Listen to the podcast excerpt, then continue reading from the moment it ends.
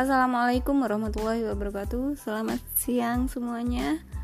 Menunggu azan duhur Saya akan mereview makna kecerdasan. Semoga dengan membaca ini Tidak ada lagi perkataan Anak dokter kok tidak pintar Anak dosen kok tidak pintar Anak karyawan bank kok tidak pintar Dan lain-lain.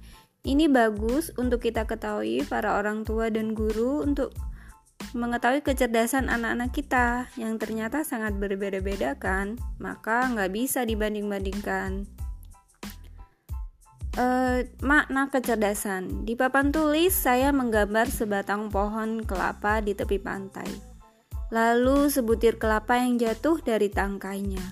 Lalu saya bercerita, ada empat anak yang mengamati fenomena alam jatuhnya e, buah kelapa di tepi pantai itu.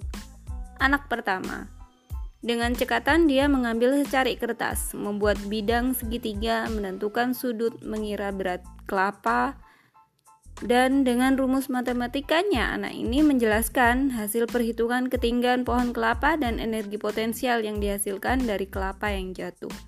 Lengkap dengan persamaan matematika dan fisika. Lalu saya bertanya kepada siswa saya, apakah anak ini cerdas? Dijawab serentak sekelas, iya, dia anak yang cerdas. Lalu saya lanjutkan cerita. Anak kedua. Dengan gesit, anak kedua ini datang memungut kelapa yang jatuh dan bergegas membawanya ke pasar, lalu menawarkan ke pedagang dan dia bersorak, yes, laku 5000. Kembali saya bertanya ke anak yang di kelas. Apakah anak ini cerdas? Anak-anak menjawab, iya dia anak yang cerdas. Lalu saya lanjutkan cerita. Anak ketiga, dengan cekatan dia ambil kelapanya kemudian dia bawa keliling sambil menanyakan pohon kelapa itu milik siapa. Ini kelapanya jatuh, mau saya kembalikan kepada yang punya pohon. Saya bertanya kepada anak-anak, apakah anak ini cerdas? Dan anak-anak dengan mantap menjawab, iya dia anak yang cerdas. Saya pun melanjutkan cerita keempat. Anak keempat dengan cekatan dia mengambil kelapanya, kemudian dia melihat ada seorang kakek yang tengah kepanasan dan berteduh di pinggir jalan.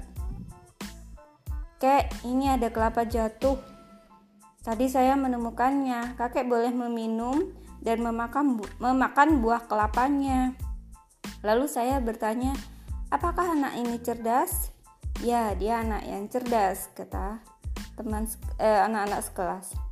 Anak-anak meyakini bahwa semua cerita di atas menunjukkan anak yang cerdas.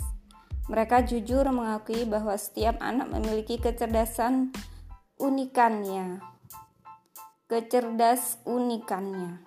Dan mereka ingin dihargai kecerdas unikannya tersebut. Namun yang sering terjadi di dunia kita, dunia para orang tua dan pendidik menilai kecerdasan anak hanya dari satu sisi, yakni Kecerdasan anak pertama kecerdasan akademik. Lebih parahnya, kecerdasan yang dianggap oleh negara adalah kecerdasan anak pertama yang diukur dari nilai saat mengerjakan UN.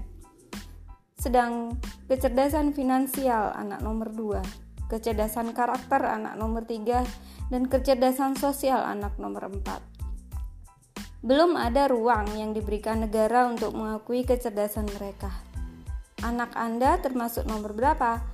Saya jadi ingat dulu sering kami jadikan olok-olokan saat SMA antara anak IPA dan anak IPS. Siapa yang sebenarnya cerdas? Bagaimana kira-kira perasaan anak IPS? Terkadang terasa diperlakukan jadi siswa yang terpinggirkan. Duh, menyedihkan ya. Anak Anda semuanya adalah anak-anak yang cerdas dengan keunikan dan kecerdasannya masing-masing. Hargai dan jangan samakan dengan orang lain atau bahkan dengan diri Anda sendiri. Mari hargai kecerdasan anak kita masing-masing dan siapkan mereka dengan empat kecerdasan: akademik, finansial, karakter, dan sosial. Sebagai pedoman di mana mereka akan mengarungi lautan hidup kelak. Ingat, tiap manusia lahir dengan kecerdasan dan keunikannya masing-masing. Nah, itu review tentang kecerdasan. Selamat uh, sholat duhur. Wassalamualaikum warahmatullahi wabarakatuh.